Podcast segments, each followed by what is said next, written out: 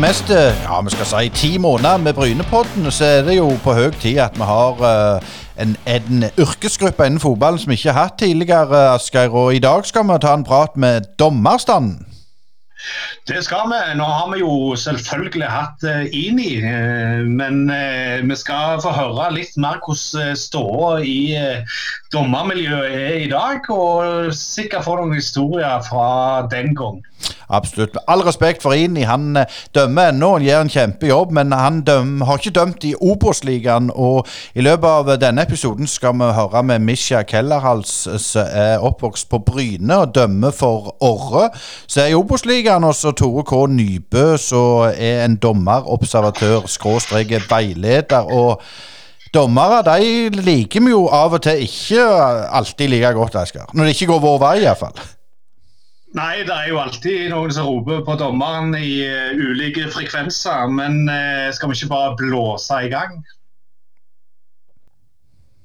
Da er det endelig klart igjen for Brynepodden, og vi sa lovte at vi skulle ha noen som var, fikk mye kjeft eh, i denne podden.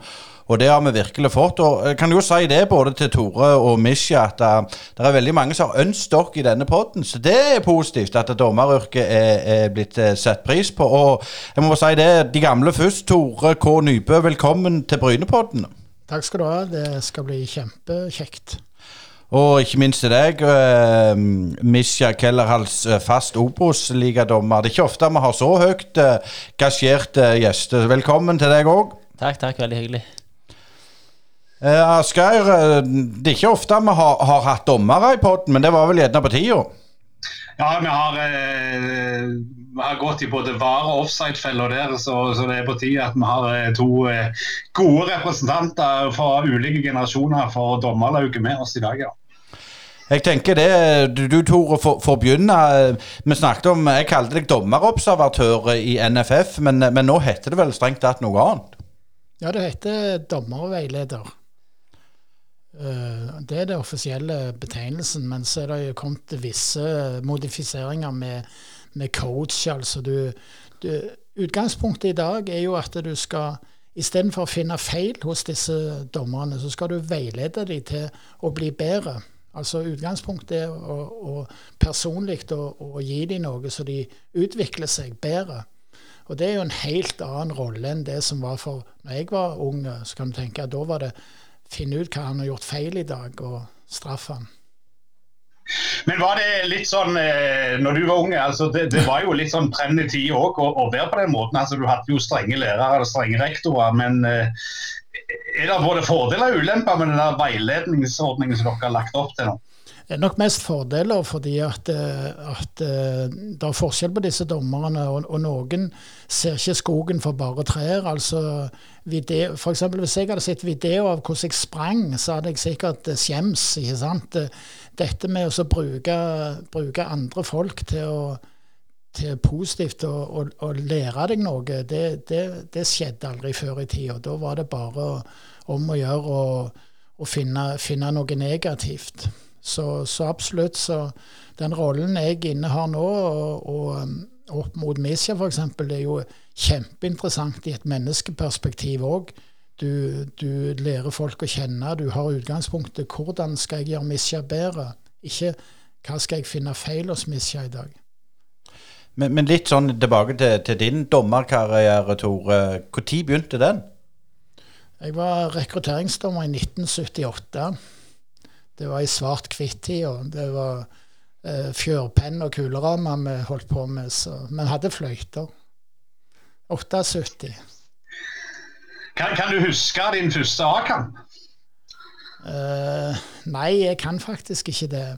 Men jeg kan huske at eh, en av de første kampene jeg hadde, det var på Kvaleberggrusen. For hvis du har vært der noen gang med sånn koksgrus Der dømte jeg en Old Boys-kamp, så kan du ta den store vitsen med hva skulle de med dommer der? Det var jo 22 andre. Men i alle fall ung. Jeg var 22 år, så jeg, var, så jeg dømte denne kampen. Og, og når jeg var ferdig med kampen, så kom det en ut av skogen og presenterte seg som Dagfinn Østhus. Og 'Jeg har sett på deg, du var god', så gikk han.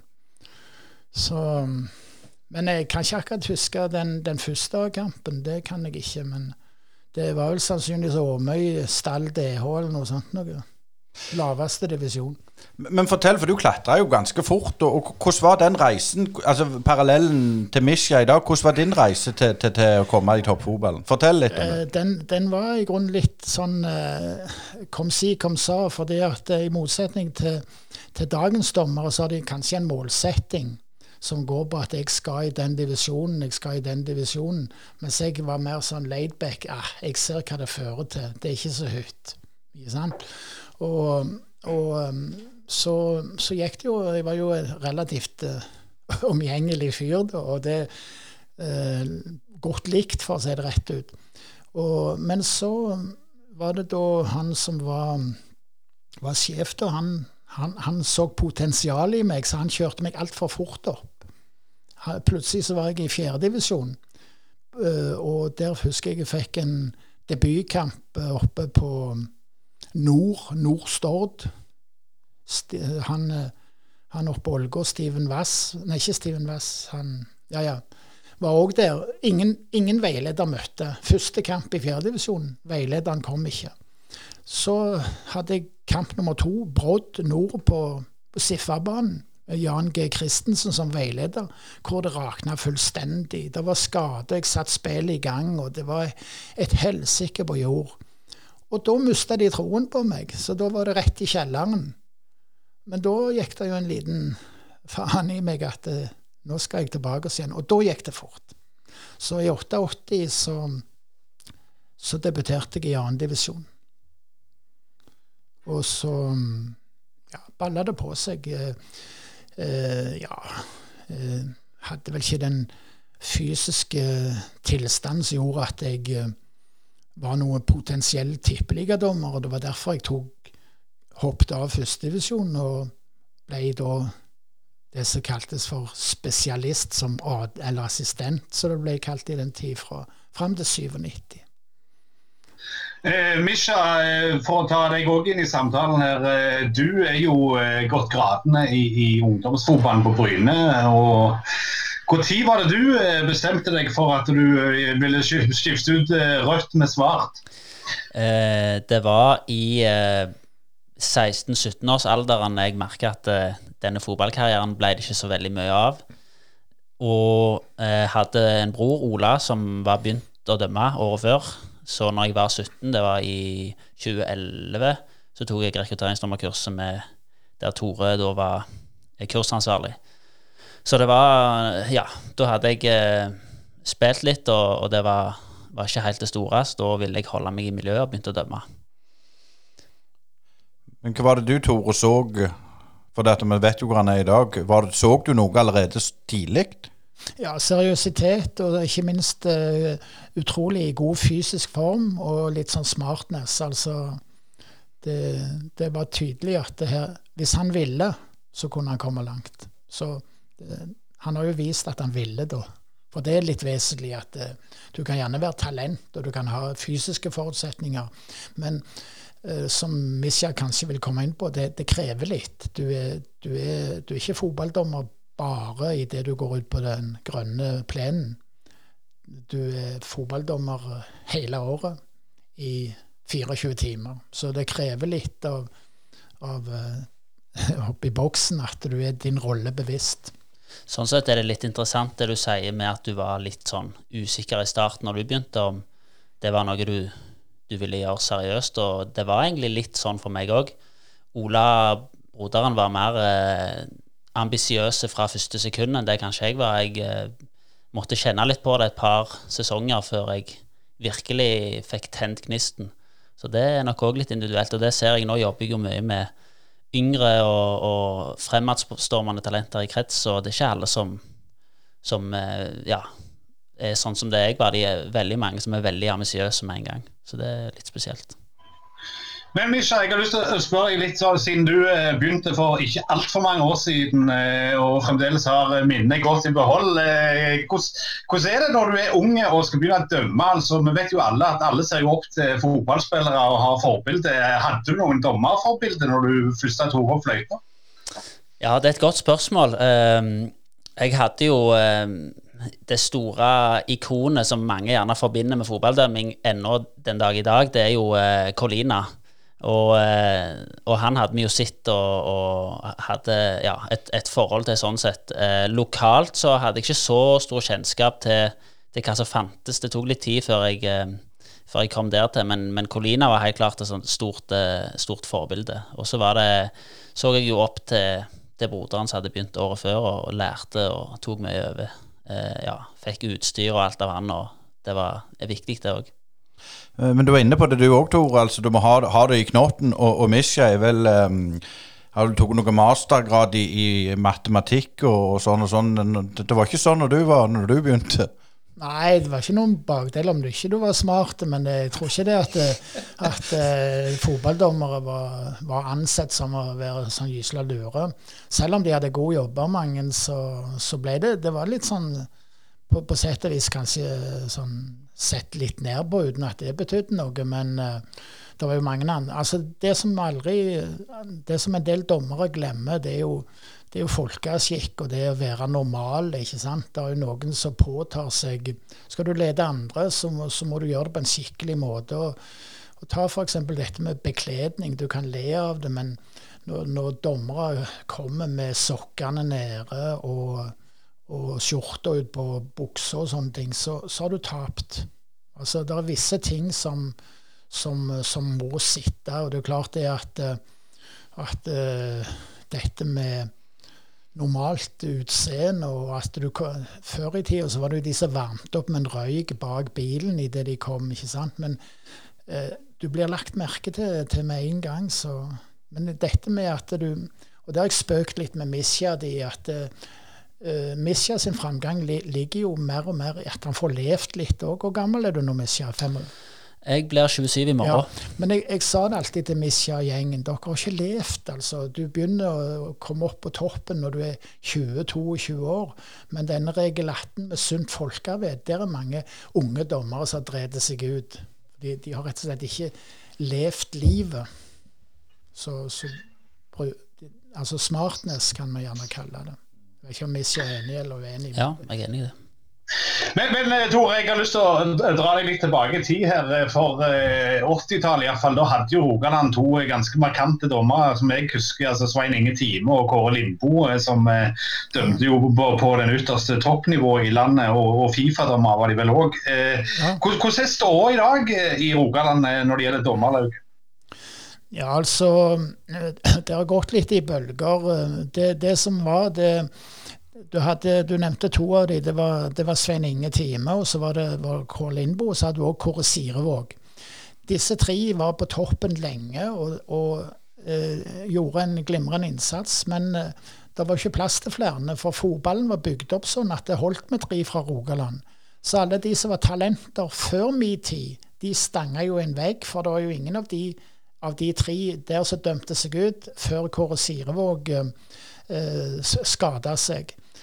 Eh, så ja, du kan si eh, Så ble det et lite vakuum da. og eh, Jeg kom inn i miljøet via trening på Gamlingen, og da var disse her eh, allerede De trente, og vi så opp til de akkurat så ja, våre, våre forbilder. Men eh, så, så, hadde vi et godt miljø, og det er litt viktig at det er et miljø. For så ble det mye individualister. Vi fikk opp én eh, og én og én og én, og så husker, Hvis du husker et navn som Ole Gyan fra Helleland, som, som, i dag hadde vært Han var før Espen Eskås på, på, på rankingen og hadde vært Fifa-dommer i dag, men han overtok farskaren. Vi hadde en på Klepp som vi så opp til. Han overtok uh, foreldremyndighetene. Vi hadde Silo som sto i mål for Frøyland, og Arild Tengesdal. Måtte gi seg pga. Av, av, av, av eh, dårlige knær som vi har. Vi har i grunnen slitt med å få, få opp, fordi vi har satsa på de de ble det ikke lenger. Men så, så skjedde det noe med, med, den generasjonen, hvis vi skal bruke det uttrykket, om Misja, Ola. kom ned en bergenser som heter Daniel Higraf. Uh, og de, de, de, klarte å skape et miljø hvor Og det er viktig, at det er mer enn én som kan dra lasset sammen. For da bygger du deg opp, både psykisk og ikke, ikke minst altså, at du får, du får litt å sparre med. Så det ser lyst ut nå. Men det har vært mye vakuum for å svare på, direkte på spørsmålet ditt. For, for mye sånn Altså, vi har snakket om å skape miljø, men du, du skaper ikke et miljø inne på et kontor. Det må være noen som, tar tak i det. Der har Misja, Ola og Atle Larsen og Daniel, som jeg nevner, vært flinke. Og det har lufta alle fire. Det, det er kanskje enda flere òg, men det kan du svare på lufte de. Men jeg tenker det, Misja, når du uh, så at dette ville du fortsette med, og, og, og husker du din første A-kamp, og hvordan ble veien videre? Har det bare vært rosenrødt alt? Jeg vet ikke om jeg husker min første A-kamp. Jeg husker det gikk ganske fort fra sjette, femte til fjerde. Jeg husker min første kamp i fjerdedivisjon. Det var vel på Rosseland. Rosseland Havørn, tror jeg det var. Kanskje, kanskje litt for tidlig òg, sånn som så Tore nevnte tidligere. at uh, eh, ja, når man er unge og ikke helt vet hva man går til, så kan det være litt eh, voldsomt. Jeg husker det ble en ganske heftig kamp, men eh, det var en eh, opplevelse. og Heldigvis var det en, en dommerveileder, Andres Krogedal, på den, på den kampen. Så det var, en, eh, det var en spennende opplevelse, ja. Men når, når jeg det relativt sentralt i 18 år i kretsen og fulgt med alt, alt som har rørt seg, både fra de som var 15 og de som var 80 Og, og det er jo klart det at eh, når jeg kom inn, så så vi jo en forgubbing. Eh, tredje- og fjerdedivisjon var jo Snittalderen var jo over 40 år på de som dømte. Og ingen av de som hadde framtida foran seg. Og Dermed så kjørte vi fort opp ungdommen, deriblant Misja. Og ikke minst hun jenta fra Cecilie Ege, som nå heter Frøyland. Eh, kjørte vi inn i menn fjerdedivisjon nesten før hun kunne gå. Helt bevisst for å herde de. Og sånn. Så Misja, så Gola. Ikke noe det var ikke noe spørsmål om å la de vente, sånn som vi måtte gå to år i hver divisjon med. Eh, få de opp. La de få det midt i trynet, på godt og vondt. Det er det de lærer av. Men eh, Tore nevnte eh, miljøet her, Misha. Kan du utdype litt eh, rundt det, og hvordan dere kommuniserer og gjør hverandre bedre? Ja, miljøet er jo en vanvittig viktig del. Eh, som dommere så er vi jo på mange måter ganske utsatte grupper.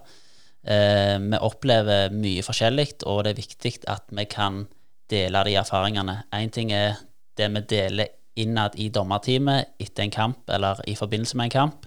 Og så er det en annen ting når du kommer hjem og jobber med evalueringsarbeid. Eh, vi bruker veldig mye energi på å eh, se gjennom kamper, se situasjoner, både egne kamper, andre sine situasjoner og eh, ting som går på TV internasjonalt. Eh, og når vi har et miljø, så kan vi, kan vi snakke sammen om de tingene. Vi kan evaluere egne prestasjoner, og vi kan eh, rett og slett bli bedre på den måten. I tillegg så er det litt sånn som Tore nevner med det fysiske, at vi kan trene sammen. Det gjør vi mye. Spesielt i vinterhalvåret når vi ikke har kamper, så er det viktig å holde hverandre i gang. Så spesielt eh, eh, med Daniel Higraf, som jeg dømmer jo på samme nivå, har jeg hatt mye å gjøre de siste åra. Ola har òg vært en del av den gruppa, men han har bodd litt i Bergen og litt i Oslo, så det har vært litt sånn naturlige årsaker fram og tilbake. Men, men miljøet er, er knallviktig for å, for å holde seg i gang. Eh, det, når, når, altså dom, Dømming har jo endra seg, men jeg tenker òg med dette med, med, sosiale medier. Når, når du Tore starta, så holdt på å si de hadde funnet opp hjulet, men det var ikke så lenge siden. Men, men hvor bevisst er dere på dette med sosiale medier for, for eh, en ung dommer? Han kan jo bli kaldkvelte, kaldkvelt, for å si det på jærsk. Ja, jeg, jeg, sitter litt i glasshus, for jeg har helt siden jeg kom inn i dette, eh, ikke meldt meg på fjesboka. Jeg pleier å vitse med det, så jeg har radiotryne, sånn at det ikke det, Men det er helt bevisst, for det at Eh, for, for, jeg har jo blitt forelagt en del uh, saker disiplinert som formann i dommerkomiteen, hvor det er store overtramp. Og det er jo klart det at det, uh, det er et kjekt medium å, å, å, dele erfaringer, men det er voldsomt sårbart for, for kritikk. Misja er jo inne i dette her og kan se på alt den useriøsiteten som, som er. og én ting er jo Én ting er jo å diskutere, en annen ting er å direkte sjikanere. Vi, vi, har jo hatt overtramp som ja, sågar måtte, måtte involvere kretsstyret for disiplinære.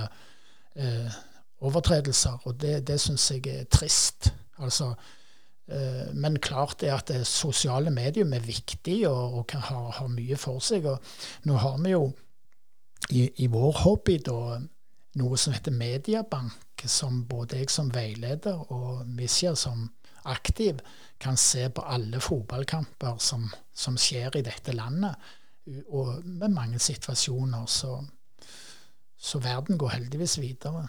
Men, eh, men det største bare, jeg, jeg, gikk jo på linja i 1992, når TV 2 kom på banen med sport. Og gikk gysla mange kamper på Brann stadion.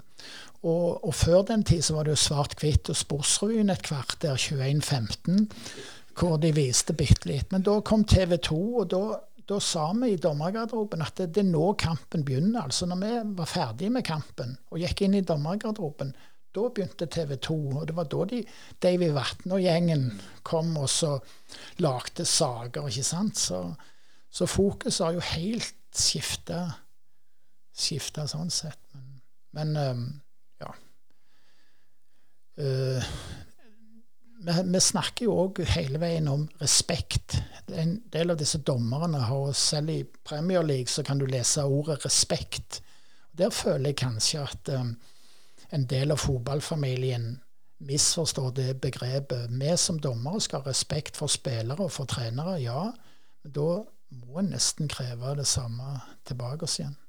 Og det, det, det har skuffa meg over lang tid i fotballen, at uh, en del ser på det å være en fotballdommer som et nødvendig onde. Men gud, hvor populære vi er når vi når vi møter seint opp, når mannen har Nå er vi nede i aldersbestemte, du kommer gjerne litt seint, og så har han stressa med å finne nye dommer. Så vi har jo vitsa litt med at um, her på Jæren så kjører de rundt med, med, lastebiler, og hvor det står et klebemerke at uten lastebiler så stopper Norge. Så jeg har jo sagt til, til Fotballforbundet kanskje vi skulle få på dommerdraktene til de yngre at uten fotballdommer så er det ikke fotball.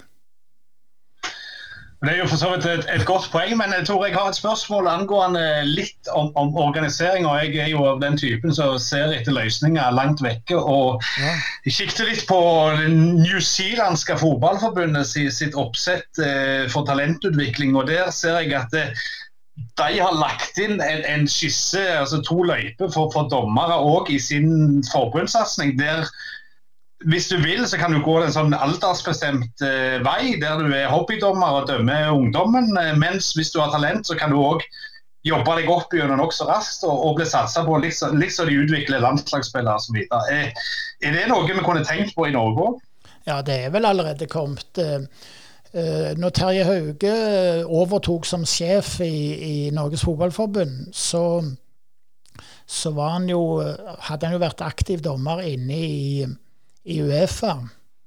Og, og, de hadde noe som de kalte for CORE, altså de beste europeiske dommerne. De var gjennom et kursopplegg. Og dette tok han og lagde noe som heter NORCORE, som, som inneholder flere stadier. Og det, det begynner der å vise frukter av. Og Misja er jo en del av dette, både som aktiv dommer og ikke minst som, som hva heter det, mentor. Ja. Så, så, i Norge så har han tatt store skritt de siste fem-seks åra, vil jeg påstå.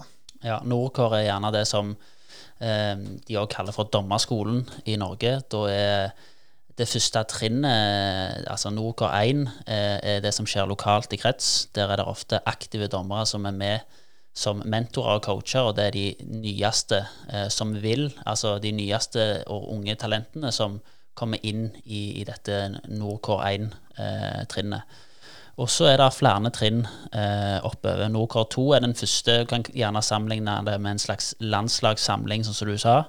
Eh, da er det en én eh, dommer, eh, en gutt og ei jente, som blir sendt til Oslo på Norway Cup, der de gjennomfører et Norway-kurs, et dommerkurs, rett og slett. Der var jeg sjøl i 2016, var det vel. Og, og, ja, der blir det en blanding av å bli med i et sosialt miljø, samtidig som det er et konkurranseelement i at uh, de som gjør det skarpt der, og de som dømmer godt, de får òg dømme finaler og, og, ja, blir gjort litt stas på.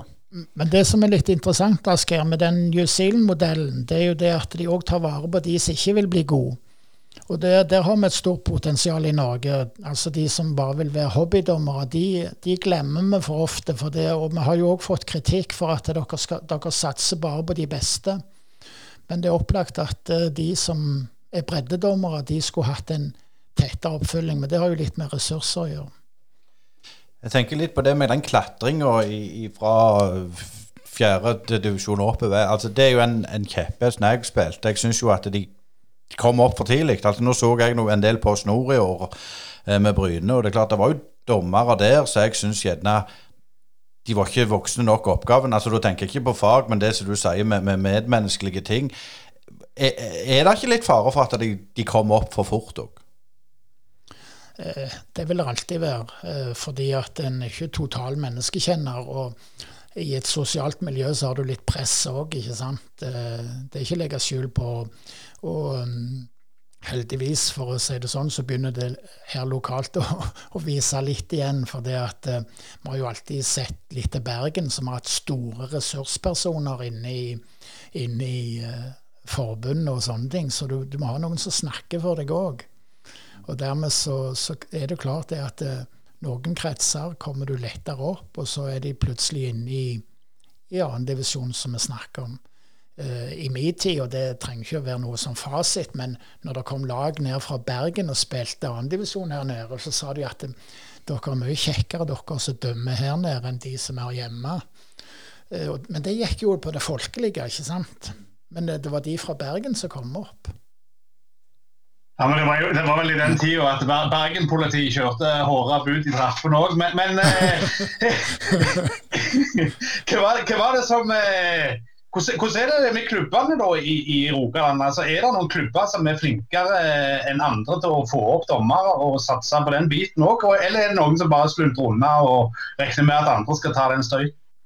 Eh, det er blitt mye mye bedre fordi at en har fått inn en formell funksjon som heter um, dommerkontakt i klubb.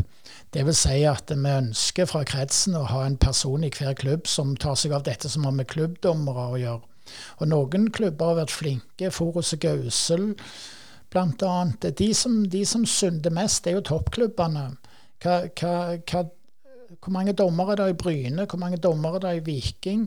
Altså, nå skal du ikke være medlem av de, men og ikke minst på kvinnesida. Jeg har vært etter Klepp Avaldsnes så lenge jeg satt i den funksjonen. Uh, der, er, jo så mange spillere som gir seg på damesida, men hvor mange kvinnelige dommere har det vært fra Klepp? Ingen. Altså, De syns jeg av og til kunne vært litt mer på banen. Men uh, det er mange breddeklubber som gjør en glimrende innsats og, og, og har aktive klubbdommermiljø. og det Eh, har bl.a. Sand... Nei, hva de heter Bogafjell heter de. Bogafjell. Har, men de har eh, folk som ivrer for det. Men de har ennå ikke fått de opp i altså det, Men vi har bruk for de òg. Og jeg sa vel til deg at um, vi har jo et par ut gjennom her som passerte 80 år. Dømmer 100 kamper i året. Og ikke alltid like heldige med, med kampene, men de, de møter nå opp. Men hvis det, Hvorfor hiver dere ikke de? Hvorfor nekter dere ikke de, sier de til meg. Jeg må være klar over det at det, hvis, hvis, vi sier nei til de, så, så kommer de til å dø i morgen, for det er, livs, det er hele livet deres. Og så må vi ha fem nye for å erstatte en av de. Men, men eh, altså jeg kan jo si, jeg husker jo Odd Høyland, Osvald Høyland, eh, Einar Heien. Eh, du, du, du, kan nevne men, men, det er klart det er noe vi som, som var lokalfotballspillere, vi treffer de jo på butikken. De så, ennå. De er med ennå, og, og, jeg sier jo for, for spøk, de har jo aldri dømt godt. Men, men hvor, mye betyr de for, for miljøet, tror du? De er viktige. Eh, mange, de får altfor lite, de alt lite skrøyt, rett og slett. Men jeg beundrer dem fordi at de får jækla mye kjeft. Men, eh, men, de er der. Og, og, det er klart det at uh, Jærbladet hadde for, for, mange år siden en overskrift som het 'Heien kjem', eller 'Heien kjem'. Og det var fordi at uh, mange som ikke møtte opp. og Der har du òg litt med mange av de som melder seg på som dommere i dag, de, de, vet ikke hva de går til. Jeg husker jeg skulle gå og se på en rekrutteringsdommer, og så møtte han ikke. Eh, så ringte jeg til han og sa du skulle vært her, der står to lag. Ja, men det er jo Champions League her. sier han til meg. Ja, jeg sa jo uff. Det, ja, men du har jo sagt ja til å være med på dette. Da er jo det en av tingene at du møter opp. Men holdningen til en del ungdommer i dag, det, ja, det er kjekt å gå på det kurset. Jeg får drakt. jeg får, ikke sant? Men uh, som er inne på helt opp i toppen, det krever litt av deg. så... Men uh, for all del, vi, vi glemmer ofte disse, uh, disse uh, gamle. Men, men, det som ja, Jeg har hatt en god prat med Odd Høiland, så hvis han hører meg, så så, så, er det vel meint det jeg sier, men alle kan finne sin plass. Alle kan ikke dømme i Tippeligaen. Vi trenger òg de som dømmer jenter 13, og gjerne hver dag. Så det, det, jeg kan ikke få rost de nok. altså de, det, er de som, det er jo de som bærer fotballen. Det, det er ikke tvil om det. Eh, men Misha, nå, nå, må vi dra deg litt fram her. Eh, kan du beskrive liksom, en, en sånn eh, typisk sesong for deg, hvordan de har vært de siste årene? Uh, ja. Um, altså Det har jo uh, Ja, hos, hva, hva, er det du vil vite om de? Ikke liksom på utfordringer. Det, det er jo alltid noen regeljusteringer osv. Og, så og høyere nivå og mer kjeft, kanskje. Men, men uh, hvordan, opplever du det å dømme i, i toppen? Altså, er, det, er, det, store forskjeller fra du var i fjerde-femte? Ja, altså det er Før hver sesong så handler det jo om å, å enes sammen om, eh, om eh, hva er, er, det som er viktig i år, og hva er, har vi fokus på. Eh, og derfor, både lokalt og, og i hvert fall nasjonalt, så går vi gjennom Eh, historisk sett, nå var det spesielt i fjor, da, og muligens blir det sånn i år òg, men så har vi alltid hatt en samling eh, der vi har møttes sosialt eh, og òg gått gjennom eh, nye ting, eh, regelendringer, retningslinjer, ting vi skal ha fokus på osv. Så, videre. så det er på en måte startskuddet. Og så dømmer vi jo eh, kamper lokalt, treningskamper. gjerne heldige å få dømme et nivå eller et halvt nivå over det vi vanligvis får dømme eh, for å komme i gang. Eh, så når sesongen starter i, i eh, april, så, så, er det fullt kjør og, og knallkjekt, eh, rett og slett. Eh, da har vi venta lenge. Eh, men det, når det gjelder sånn så i gamle dager, så var det vel, vel du var dommer, og du var linjemann, som vi sa. Men, men, sånn som så for deg, Misja, er, er, det sånn du, du blir hoveddommer, eller er du alt på å si alt mulig, du òg? Ja, på et tidspunkt så må, du, så må du begynne å spesialisere deg litt. Eh, som hoveddommer så er du eh, vanligvis òg fjerdedommer. Eh, det vil si at eh, når jeg dømmes hoveddommer i, i Obos-ligaen, så er jeg òg fjerdedommer i, i Obos-ligaen og i Eliteserien. Eh, men det skjer sjelden at man både er dommer på, i toppfotballen og assistentdommer. Eh, så i rundt andredivisjonsnivå må man begynne å spesialisere seg. Når jeg dømte i tredjedivisjon, så gikk jeg fortsatt som assistent om i andre, og da kom jeg til et punkt der jeg måtte begynne å velge hva, hvor har jeg eh, mest eh, å bidra med. Og da eh, ja, kan det variere veldig fra person til person, og da lytter man òg til råd man får. Og da valgte jeg å satse som dommer. Og da var det en naturlig konsekvens at jeg la assistentdommer ligge. Eh, så, så, når jeg kom opp i andredivisjon, så, så slutta jeg å gå på linja. Eh, ja. Men, men, Tore, det har jo skjedd eh, store endringer i dommerhåndboka siden, siden, du begynte å lese i den. Eh, tilbakespill til keeper er ikke lov lenger å ta opp med hendene. Eh, de gode gamle knokkelkampene er vel mer eller mindre fordufta. Eh, er det noen sånne regelendringer du, du spesielt syns endrer fotballen, sånn som du opplevde? Du var jo litt inne på tilbakespillsregelen, da.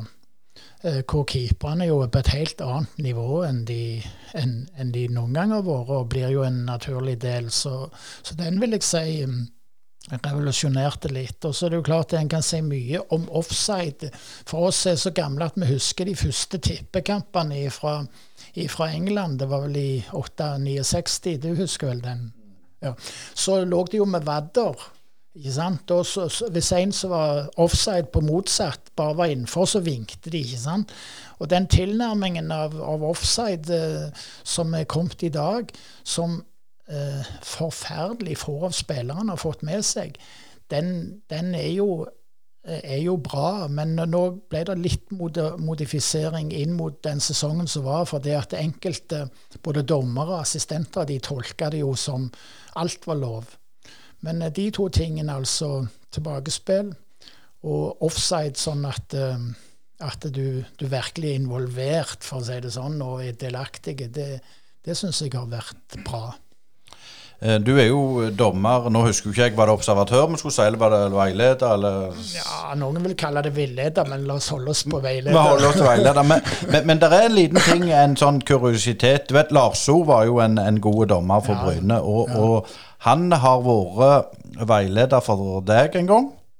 Ja. Og sønnen Lars Sølve har vært veileder for eh, Misja en gang. Husker du det, Misja? Oh, det vet jeg ikke om jeg husker. Nei.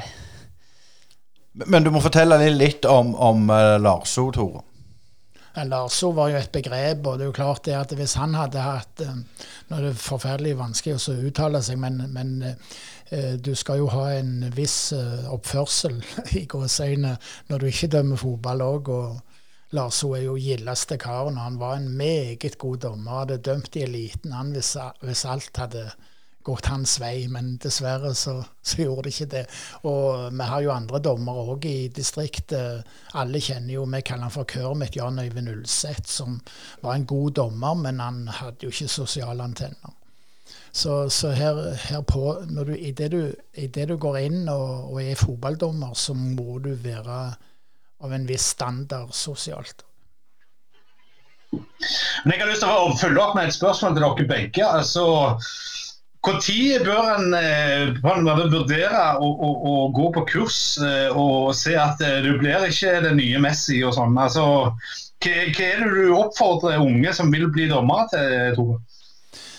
Altså det, det, som, det, som, jo er litt interessant, det, hvis vi først sier at det å være fotballdommer, det er faktisk en idrett.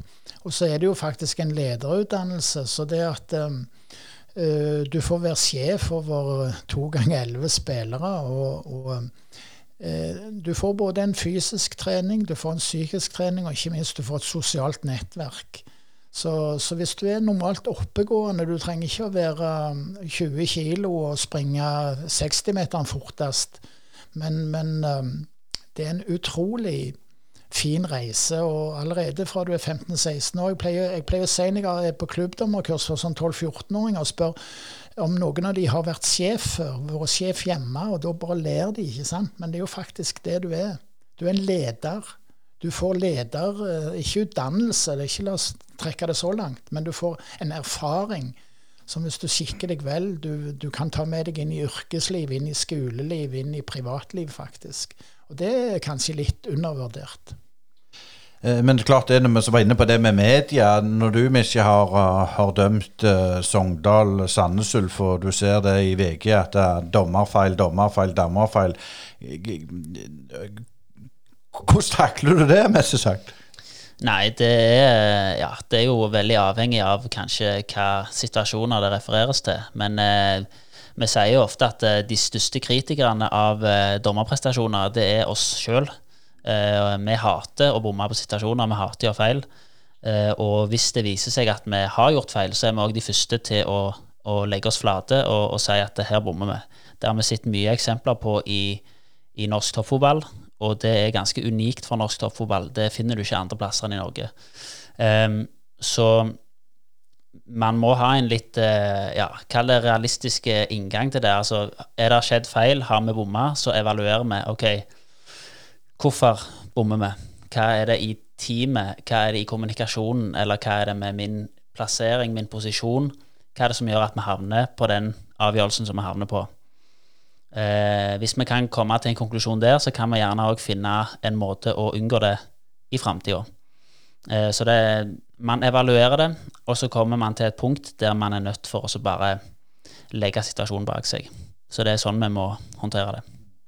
Men Misha, jeg, jeg, har lyst til å spørre litt, eh, altså Når du eh, gikk kurset og begynte å dømme sjøl, altså, hva, hva, gjorde det med ditt syn på fotballen? Altså, Så du fotballkamper på en helt annen måte etter det enn det du gjorde før? Ja, det gjorde jeg. Definitivt. Så som dommer så blir du litt eh, Du blir rett og slett litt skada. Fordi at du begynner å se på Du begynner å se på helt andre ting enn eh, enn det du gjorde før. Du ser på hvor er dommeren, hvor står han hen?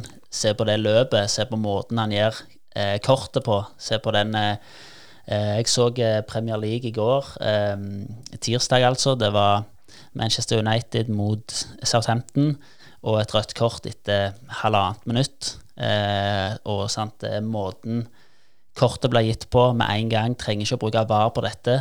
Det er sånn, eh, ja, det er sånn kjekt å se på. Så det, man ser fotball på en annen måte, eh, rett og slett. Ja, det er jo et godt innspill til neste, neste spørsmål. Var Altså, det jeg vet, Tore, det er når jeg har spilt fotball, at dommeren sin hovedoppgave er å beskytte spillerne. Stemmer ikke det? Jo da. Eh, da tenker jeg med VAR, når du er inne på Premier League eh, Van Dijk blir kvesta, får ikke frispark, får ingenting i etterkant. Har VAR da bomma og utspilt sin rolle når de ikke tar sånne overfall? Det kan jeg eh, være enig i, fordi at hva, hva skal en bruke VAR til? Jo, jeg mener det, første som kom først, var jo, var jo mållinjeteknologien. Var ballen inne eller ute, som en ikke trenger å være eh, rakettforsker for å se. Eh, så er det dette med VAR og litt, litt feigt kanskje noen ganger, hvor de, hvor de trekker inn dette. Ja, dommeren har jo evaluert det, men jeg liker ikke VAR pga. at det tar altfor lang tid. Og um, det vil jevne seg ut. Så akkurat den, Men det er jo klart det at den situasjonen der med Pickford, nei, han keeperen og van Dijk der, kunne de brukt i ettertid med å bestraffe. altså Det, det var jo en voldelig episode, rett og slett. Det var jo helt utrolig. Men VAR grep sikkert ikke inn der fordi at eh, dommeren hadde vurdert det. Så. Men eh, jeg liker ikke utviklingen, eh, rett og slett hold, hold oss til mål, mållinjeteknologien. Og når de holder på med streker på offside og sånn marginal offside Når jeg gikk på linja, så kom det inn noe, noe som heter fint Hvis du er i tvil om et løp, og du er godt plassert, så, så la det komme angriperen til gode. ikke sant? Det, det menneskelige øyet klarer ikke å oppfatte det. og Vi må ikke komme dit enn at, at Misja og meg blir sittende på gamlehjem. Altså de, de pensjonerer oss fordi det er teknologi som kan løse dette tar jo, tar jo luven av hele fotballen. Det, det at det er en dommer som du kan ja, være litt etter, og, og motsatt, det er jo en del av skjermen. Apropos eh, voldelige eh, overfall, Tore. Du har jo dømt i litt andre tider, eh, der det var litt hardere i, i taklingene kanskje, og litt mer kvesting. Men eh, er det noen spesielle lag du har dømt som var liksom berykta for å være sånn der slakterlag? Ja, jeg har ikke dømt de så mye, men du hadde jo brusene som en utfordring på, på et lavere nivå. Uh, jeg, eh, jeg, debuterte vel som linjedommer der nede i fjerdedivisjon Brusan Flekkefjord, men da var det en Rudolf Pettersen i Flekkefjord som spente døra til dommergarderoben. Men det var en helt annen ting. Nei, altså, det har alltid vært noen, noen sånn individualister, men, men Uh, ikke noe sånn spesielt. Varhaug var et uh, ikke berykta lag, men Varhaug var et tøft lag. Og, eh, men, men, vi var aldri forutinntatt, altså. men vi var forberedt.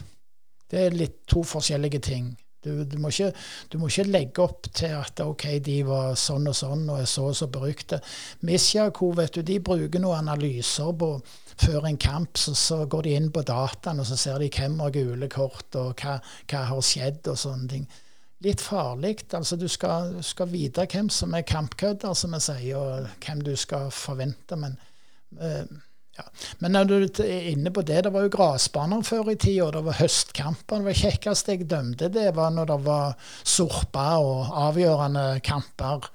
Og, men um, du må ikke lete etter feil heller. Jeg føler at um, kanskje mange dommere de, de er mer, mer, ute etter å lete etter feil istedenfor å se potensialet i kamper. Det er klart, Hvis du tenker på de gamle Viking Bryne-kampene med Pesin og Inge Valen og gjengen på den berykta kampen Viking Bryne der inne hvor, hvor de gikk til knes i vann, så det var en sjarm, det òg. Men sånn, som så for din del, Misha, hvordan klarer du på en måte holde deg oppdatert? Og Du tenker ikke bare på regler, for det er jo greit, men, men du må jo på en måte være hands on. Du er jo en 24-timers utøver. Hvordan hvordan ser uka di ut? Uh, nei, altså én ting som, som det ikke er vits å, å stikke under stol, det er jo den fysiske biten som blir mer og mer viktig. Spillet går raskere og raskere, og, og det krever òg mer av oss. Så den fysiske treninga er absolutt viktig. Hvis du ikke gidder eller orker å legge ned timene i fysisk trening, så, så blir det vanskelig i lengden. Eh, så eh, trening er en viktig del av hverdagen. Eh, men som de fleste andre så så ja, så har man jo fulltidsjobber ved siden av, og, og det er en kabal som skal gå opp med, med kamp i, i helga. Eh, 100% jobb i uka og trening på ettermiddag, kveldstid, så, så er det et eh, Det kan være travelt, men vi gjør det jo fordi vi syns det er kjekt. Du får, får jo et nytt moment i år da, hvor de legger Obos på mandagen eh, for, for gjengen der. Så det blir litt interessant Men- å se. Men hvordan, hvordan tror du det kommer til å spille inn, Tore, med, med tanke på reising og, og, og den slags? Nå har vi jo Koronasituasjonen er jo eh, ikke i boks eh, ennå, men eh, kommer det til å bli en utfordring til å, å, få folka, eller er de så ivrige at det ikke bryr dem? De, de gjennomførte jo Obos-ligaen i, i år, eller i 2020, med, med koronabegrensninger. Så de, de var jo, det var jo spillerne som i grunnen var inne i sånn tenkebokser hele veien. Dommerne de, eh, de hadde jo sine begrensninger, de òg, men de ble lempa litt. på. I starten så fikk ikke vi lov å komme inn til dommerne eh, pga. korona. Men det er jo tester, og når jeg, når jeg kommer på Sandnes, så blir jeg jo jeg testa. Alle blir testa og sånne ting. Så. Men eh, den største utfordringen, som Miss òg sier litt her, det er de har en jobb utenom. De skal skjøtte familie. De skal, altså Mandag er jo ingen god dag i gåseøyne å reise til f.eks. Tromsø eller Trondheim eller hvor du skal. Sogndal, ikke minst. Eh, Så det, det skal ikke se vekk fra at noen må gi seg av den grunn. altså Rett og slett at de Ole Gyja, som jeg var inne på, han prioriterte jo familien og gården når han var på topp. Men, men det, det løy det med, med fotballdømming. Og, ø, det er jo ingenting som skaper mer debatt enn det. I, I dag så hadde jeg en, en prat med Rangvald Soma. Han fortalte fra tida si i Østerriks Bundesliga at det, det var en dommer han nevnte ikke navn, det skal ikke jeg gjøre iallfall, men, men det var en internasjonal dommer. Når han dømte EM og VM, så var han helt fantastisk flink. Så kom han ned på på, på, på, eh, på nasjonalt nivå så var han rett og slett skikkelig arrogant og cocky. Er er det noe dere opplever? Ja, det, det er en eh, gjengs ting, og sikkert vanskelig for de som, de som dømmer internasjonalt. Da får du i bakhodet at nå skal jeg bare dømme førstedivisjon. Og jeg husker sjøl når, når jeg dømte i andredivisjon og skulle gjerne ha en kamp i fjerdedivisjon eller en guttekamp, så måtte jeg rett og slett spenne litt i veggen og si til meg sjøl at eh, den kampen du har nå, det er den viktigste. Du må ikke leve på, på andre, altså andre tider. Så, så det, det er en kjempeutfordring, rett og slett. Det å nullstille seg til det nivået du, du skal ut på. fordi at om du har verdens største navn, så, så hjelper ikke det deg. Du kan, du kan miste taket i en smågutterkamp hvis ikke du er gira, rett og slett. Men eh, så har jeg lyst til å spørre dere litt begge òg. Altså, du nevnte Colina her tidligere, eh, Misha. Men, men eh, altså, er det noen nasjoner som i, i den vanlige fotballen som er liksom foregangs... eh, Som er modellene rett og slett i, for dommerlaug òg rundt i verden? Er det noen land som er flinke på det feltet? I Norge så ser vi jo veldig ofte over til England, eh, engelsk fotball. Eh, men historisk sett og tradisjonelt sett så har alltid Altså Colina er jo fra Italia, men it italienerne har alltid hatt eh, solide dommere internasjonalt. Eh, der er land sånn som Nederland. De har to av de beste dommerne i verden i, i, i toppgruppa. Eh, Tyskland har alltid hatt gode dommere, men det, det, det henger nok litt sammen med hvilke ligaer som, som er representert internasjonalt òg. Spanjolene har hatt mange gode, så ja, jeg, jeg tror ikke det er noen sånne store overraskelser der. Jeg vet ikke hva du nå, tenker. nå vet ikke jeg hvordan det er med deg, Misja, men eh, det er jo klart at i England har jo dommerne vært profesjonelle i lang tid. Det er det eneste de har å gjøre. Det er å dømme fotball og forberede seg. Jeg vet jo at uh, Svein Oddvar Moen og de som er i norsk toppfotball, de er jo de har jo eh, frikjøpt en del fra arbeidslivet, sånn at de kan konsentrere seg mer om dømming. Men hvordan er det på ditt nivå, Misja? Er det noen, noen i Obos som er, som er gasjerte fra Fotballforbundet, eller er det bare i, i toppserien?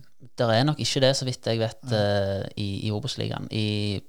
På de øverste nivåene, altså på både herresida og kvinnesida, så er det uh, tilfeller av at de blir delvis eller ja, i forskjellig grad kjøpt fri. og det er jo klart, det gir jo en mulighet til å, å frigjøre tid til å, å satse. Så absolutt en, en fordel for de som får det. Ja, Jeg måtte bare notere litt, der, for jeg, jeg skriver her at før i, før i tida Nå høres jo jeg òg ut som jeg er 100 år, men, men, men, da var det litt sånn um, uh, Gi han kurs, gi han kurs, gi han dommerkurs, uh, blås galt, uh, han i svart osv. Er det, det må jeg spørre deg, Misja, om. Er det mye sånn? Jeg syns vi er blitt så snille på tilskuerplass. Uh, om det er mye hets fra sine? Jeg kaller det ikke hets, jeg. For det, ja. det, det, altså det, er litt sånn Engasjement. Engasjement, Og det er litt sånn glimt i øyet. Altså hets, ja. det, er jo tull. Nei, det er engasjement. Nå var jo 2020-sesongen eh, ikke noe sesong å, å sammenligne noe som helst med, men vanligvis er det bra engasjement, og, og det er jo noe vi setter pris på. Eh, at det er trøkk, at det er stemning, gjør jo at vi klarer å finne det fokuset som vi ønsker å ha inn mot en kamp. Så, eh, og så er det jo forskjeller både lokalt og nasjonalt hvor du kan komme til plasser der du kjenner at her er det, her er det trøkk. Mens det kan være gjerne roligere andre plasser. Ja, men det er, er trøkk, og det skal det være. Bare skyte ned til, jeg, Asker. For, for klart, Misja, med sånn som på, på, du er jo slik utlending. Hvordan er det? Altså når vi var spilte fotball, så var det jo ikke så mye sånn utenlandske um, spillere. Men klart nå er jo fotballen blitt veldig internasjonal. Jeg husker da jeg var 15 år og reiste på en internasjonal cup. Vi spilte mot et italiensk lag. Vi fikk jo bakoversveis hvordan de, de, oppførte seg. Men hvordan er det i, norsk toppfotball? Er, er det det òg internasjonalt, eller er det sånn når du reiser til, til Åråsen, så vet du at det blir krig? Uh, det er nok òg veldig forskjellig. Det er noen lag som har en ganske lokal profil. Eh, et eksempel kan, for eksempel, kan være Ranheim, som, som et lag som nesten kun består av trøndere. Eh, og så har du laget som tradisjonelt gjerne har vært eh, i Eliteserien, sånn som Lillestrøm og Tromsø i år. Som, nå vet jeg ikke om det er de beste eksemplene, men det er lag som, som er mer internasjonale. Eh, så det, det, er det forskjeller på. Eh, det tror jeg det òg er i Eliteserien. Men sier du vi ikke dømmer i, i, i, Obos nå. altså Jeg husker vi spilte Fiverside i, i Jerusalem, og det var en sånn italiener. Dette var sånn kosegreie på fredagsmorgen. og var så vidt borti han, og han heiv seg i bakken og hadde jo brukket fire føtter og tre armer. Men, men altså, det var, jo, det var jo opplært, du så jo det at de hadde lært det fra de unge. Men er det en utfordring når det kommer spillere fra andre land som er litt uh, mer falleferdige, eller uh, hva du skal kalle det? Altså, er det forskjell i kulturene når det gjelder det å stå på føttene og tåle trøkk og ikke? Ja, det er nok ikke noe tvil om at det er forskjell. Og Tore snakket litt om forberedelser, som, som, forresten er en ganske viktig del av, av uh, fotballdømming. Um, og uh, igjen, som Tore sa, det handler ikke om å være forutinntatt, men, uh, men vi er nødt for å forberede oss på lag eller enkeltspillere som vi vet kan skape utfordringer. Og hvis det har vært uh, f.eks. historikk med ja, En klisjé er jo den lette vingen sant, som, som gjerne kommer rundt og, og detter lett og sånne ting. Eh, det er jo ting som vi må være forberedt på. Kanskje vi må stå høyere i banen, komme etter raskere og få en bedre vinkel for å kunne avgjøre eh, hvis denne spilleren nå havner i bakken, har det vært kontakt eller har det ikke vært kontakt osv. Det, det er noe vi er nødt for oss å ha i bakhodet. Forberedelse er viktig, uh, Tore. Du, um, du har jo opplevd mye gjennom et langt fotballiv, uh, men du sa til, til meg at uh, du så litt hvordan vi hadde innreda studioet her på tur. Og du har jo faktisk dømt Liverpool, du. Ja, jeg, jeg tenkte før For å være litt forberedt, så tenkte jeg hva hva slags episoder husker du igjen? Og det er klart det at Bryne-Liverpool, som var en treningskamp i, helt tilbake til 1988, husker jeg med stor Jeg har jo dessverre for deg da holdt med Manchester United siden 1968, men det er nå en helt annen ikke stopp. Ja, jeg tror vi bare stopper der.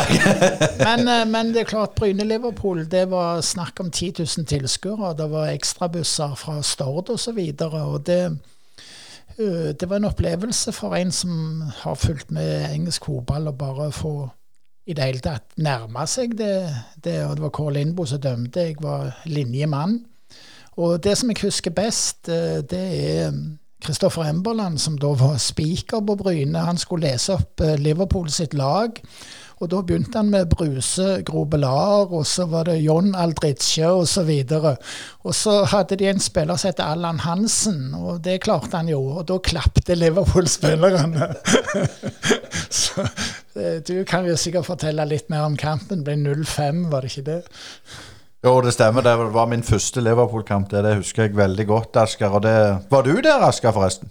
Det var jeg, og, John Barnes var jo helt fabelaktig i den kampen. Han var jo eh, sikkert på halv maskin, men det var jo når han var desidert på topp. Jeg husker han sprang rundt med min gamle barndomskjenning eh, Kjetil Sigurdsen, så det gjorde sitt. Så. Eh, men, men, det jeg har litt lyst til å spørre om nå, eh, Kåre, hvis det er folk som hører på her, der er jo fra 14 til 87, jeg vet ikke om de på 87 akkurat er klar for kurs. men eh, hva har du å si til de som potensielt uh, vil komme seg opp av sofaen og kanskje bli dommere i, i, alle slags aldre? Hva, hva anbefaler du å gjøre da? Ja, altså, Som vi var inne på tidligere, så, så i klubber så arrangerer de det som kalles for klubbdommerkurs. Vil si at da dømmer du primært uh, unger fra tolv år og nedover. Uh, så start på det nivået, faktisk, hvis du er, hvis du er unge helt unge. Ellers så, så, er det klart det at eh, kretsen har rekrutteringsdommerkurs hver vår. og eh, som er, De som jeg oppfordrer mest, er jo de, de, som er ferdige som fotballspillere, som har et vanvittig godt grunnlag. Eh, som ikke trenger å bruke år for å komme fram. Vi har Are Gabriel, sønnen til Gabriel Høyland, som vel representerer Rossaland, gjør han ikke det? Eh, Preben Helvig var et annet godt eksempel. Nå valgte han å ta et friår i, i fjor.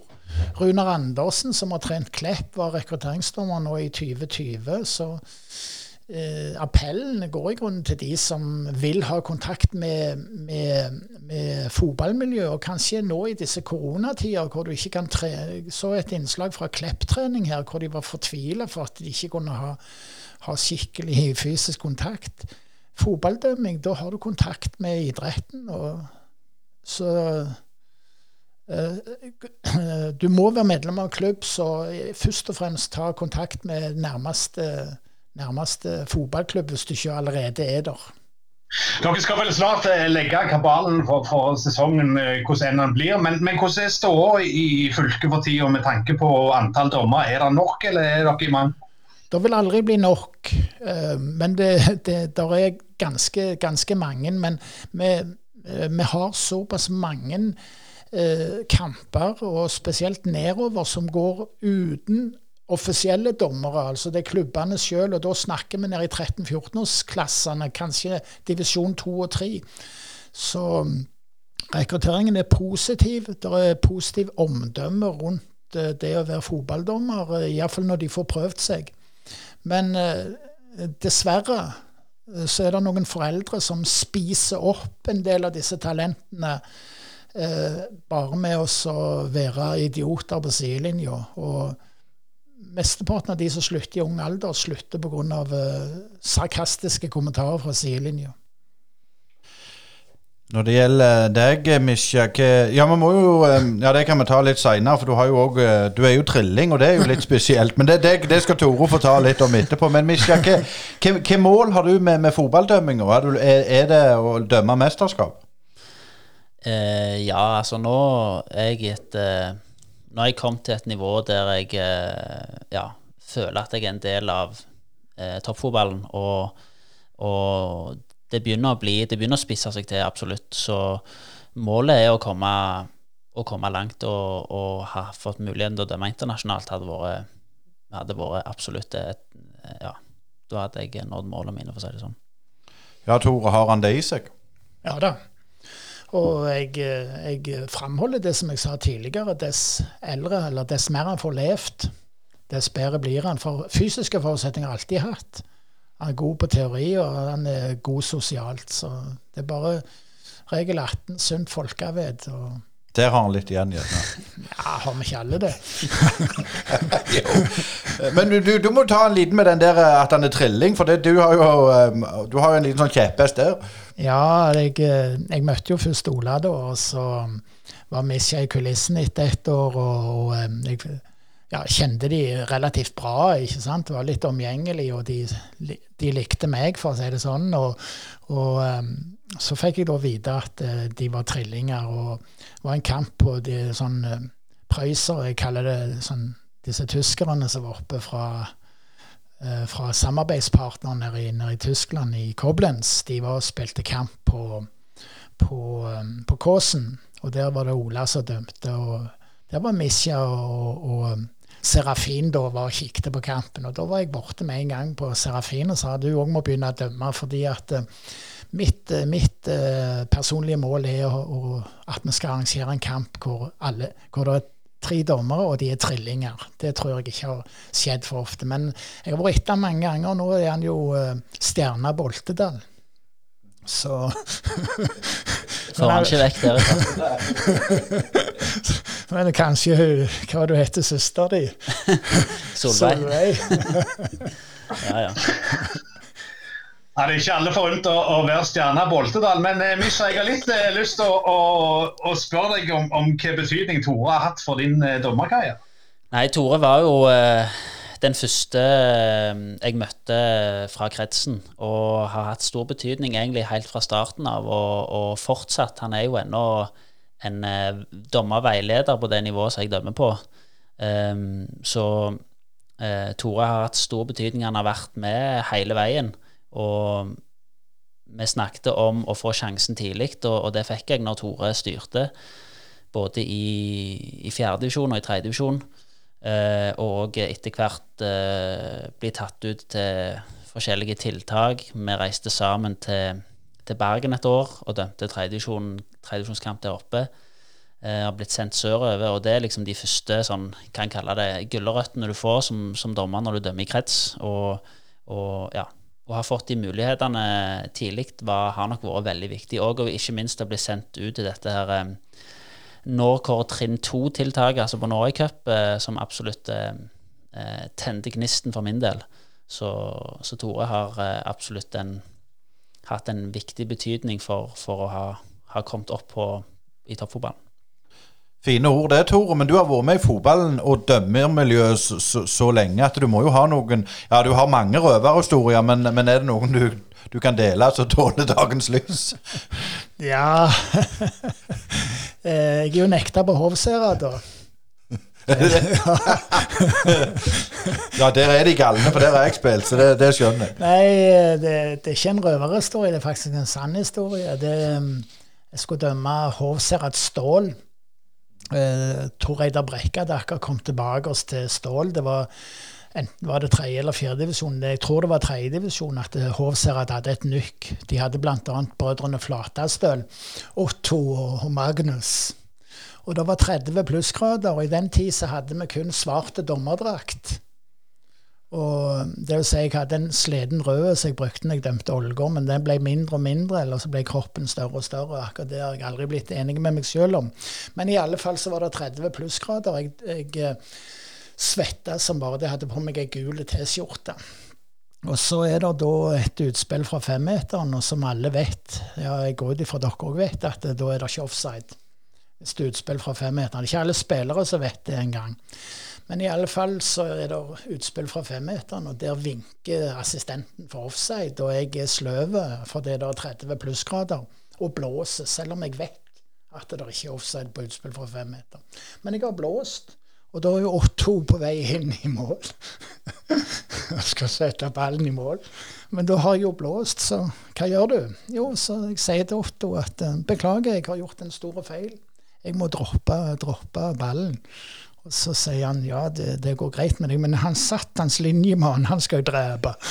Men det, er nå så. Så gikk kampen, og Stål vant 4-1. Og så var på Hovseret, så gikk du ned i en kjeller. Og jeg hadde kona med, og hun satt og venta i bilen. Og jeg, meg, tar meg alltid god tid, for jeg har en svær kropp å vaske. og det ikke, Dusjene var ikke sånn som de er nå, men tok sin tid. Så når jeg kom opp etter en time etterpå, så sto det tre tre mødre med hver sin unge på, på armen. Og så sa du må faen ikke vise deg mer i Hovsørat. og det har jeg ikke gjort. Nei, og det har jeg tatt opp med han som dømmer fra Hovserad, Rune Øyland? Ja. ja, ja, ja. det er herlig. Så jeg er nekta på Hovserad Ja, du Misja, du er jo eh, fortsatt aktiv, men det er vel gjerne noen du òg har opplevd som har vært litt eh, artig? Ja, er, du opplever mye løye. Eh, ja, de, de mest artige historiene er, er, jo de når du kan ha det kjekt sammen med, med spillerne og, og, ha litt uh, tull og vas. Jeg uh, tror vi må kanskje spare de, de, de beste historiene til, til, en annen anledning, men det er mye det er mye løye som kan skje i, i garderobene før kampene, etter kampene og underveis. Så, så ja, jeg får holde, holde på de litt til. Vi, vi får ta deg når, når uh, i, i, neste pod, uh, Asker. Det er klart, han er, han er 24 timers utøver, så dette kan bli brukt mot han. jeg ser det, og så, men jeg er ikke sikker på at meg og deg sitter her når uh, Misha er på Toresen alder. Nei, det kan godt være. Du vet aldri. Men eh, det var utrolig kjekt å ha begge, både Tore K. Nybø, som representerer Vaulen, og Mishik Heller, altså representerer Orre i, i uh, dagens Brynepod. Og tusen hjertelig takk for dere stilte opp. Det var bare koselig å hilse til alle, alle som kjenner meg. Jeg er omtrent den samme ennå. For å si det på dommerspråket, vel blåst, karer. ok. Ja, det var en god time med skikkelig kjekke karer. det, Og disse karene som reiser rand og strand og, og både lærer opp dommere og dømmer, de fortjener vel en liten salutt. Ja, Oskar, hva syns du var mest spennende å høre i, i denne poden? Nei, Det er to, to, ting. Selvfølgelig, Tore er jo et oppkom av historier og blanding av humor og, og seriøse ting. Eh, det var jo eh, den Hofshard-historien eh, Jeg tror ikke jeg har ledd så mye på, på lenge. Men eh, jeg syns òg det er spennende å høre på, på Misha Kellehall, som virkelig satser på, på, en dommerkarriere. og det blir spennende å se. Vi får se han i, i, i eh, mesterskap eh, med tida. Eh, nå er det litt uvanlige tider, men det høres ikke ut som han har tenkt å gi seg det første. Nei, jo, Vi må jo gratulere han med dagen, så er den 4. februar. Da blir han uh, full av året. Så gratulerer så mye, Misha Hellerhals, og takk for at du stilte opp. Uh, så må vi òg nevne en, en spleis som vi har gående, um, Asker. Der er det um, Det er klart, uh, vi har et budsjett i år som er ganske hårete, på 170 000. Og da kan vi jo folk lure gjerne hva i all verden skal vi bruke de pengene til. Men det må vi vel gjerne òg fortelle om. Ja, vi skal bruke det på litt ulike ting. Vi skal utvide konseptet litt. Eh, vi skal følge opp uh, tettere uh, litt andre ting. Og så skal vi prøve å gjøre en, en jobb for dere framover òg. Og som dere vet, så bruker vi jo tid. Vi leverer hver uke, og vi har lyst til å ha dere med på laget. og det er kanskje en øl og to eh, som dere ikke får drukket nå under koronaen, som kan gå eh, til å hjelpe oss litt på vei, vi kan holde hjula i gang videre. Eller hva sier du, Øystein? Ja, absolutt. Så er det jo litt interessant at det er, er en pod for oss, for dere. Og de gjestene som vi hadde i dag, blant annet, det er det lyttere som har eh, kommet med tips, og vi tar imot det. Og da er det kjempegildt hvis dere kan være med på Spleisen. Da går dere inn enten på, på Facebook eller på spleis.no slash Brynepoddene og, og, gi en liten skjerv. Det er selvfølgelig gratis å høre på oss uh, i framtida òg, men hvis dere har lyst til å bidra, så setter vi pris på det. Og, og er det bedrifter som hører på som vil være med, så blir vi glad for det. For vi har lyst til å, å, å drive denne poden, og, og, det er jo kjekt å, kunne gjøre dette så, så, det er gratis for alle å høre på. For vi holder jo på med dette og har holdt på en stund, uh, Asker. Ja, nå, eh, Vi begynner å lukte på, på, på, et helt år nå. og Vi har ikke tenkt å gi oss eh, med det første, eller det andre eller det tredje heller. Men eh, Før vi runder av dagens sending, så har vi jo selvfølgelig klar nye gjester til neste uke. Vi, vi, kommer til å fortsette å dekke litt mer nå begynner februar å ta taket, så nå må vi se litt på kampene. Men som, som, dere kanskje har fått med dere, så blir det jo ikke noen treningskamp for Bryne denne uka som skulle ha vært mot Vard. Den er utsatt pga. korona. Så vi får bare se hvordan det blir med treningskamper framover, men vi skal holde jo selvfølgelig øynene på Bryne òg, Øystein. Jo, det er jo litt rykte om spillere inn og sånn og sånn, så vi, vi følger med. og Følg oss gjerne på Twitter. Eh, Instagram og, og, Facebook på Brynepoddene, for der får du òg litt mer informasjon om ting og tang. Og denne spleisen finner du òg der. Og Før vi slipper tatlet og sier god, god natt og, og, så videre, så neste eh, pod så blir det ei dame som er hovedgjest. Vi skal ikke røpe så mye mer enn det. Skal vi det? Nei, jeg tror vi lar det være med det. Og vi følger på og gleder oss til neste uke.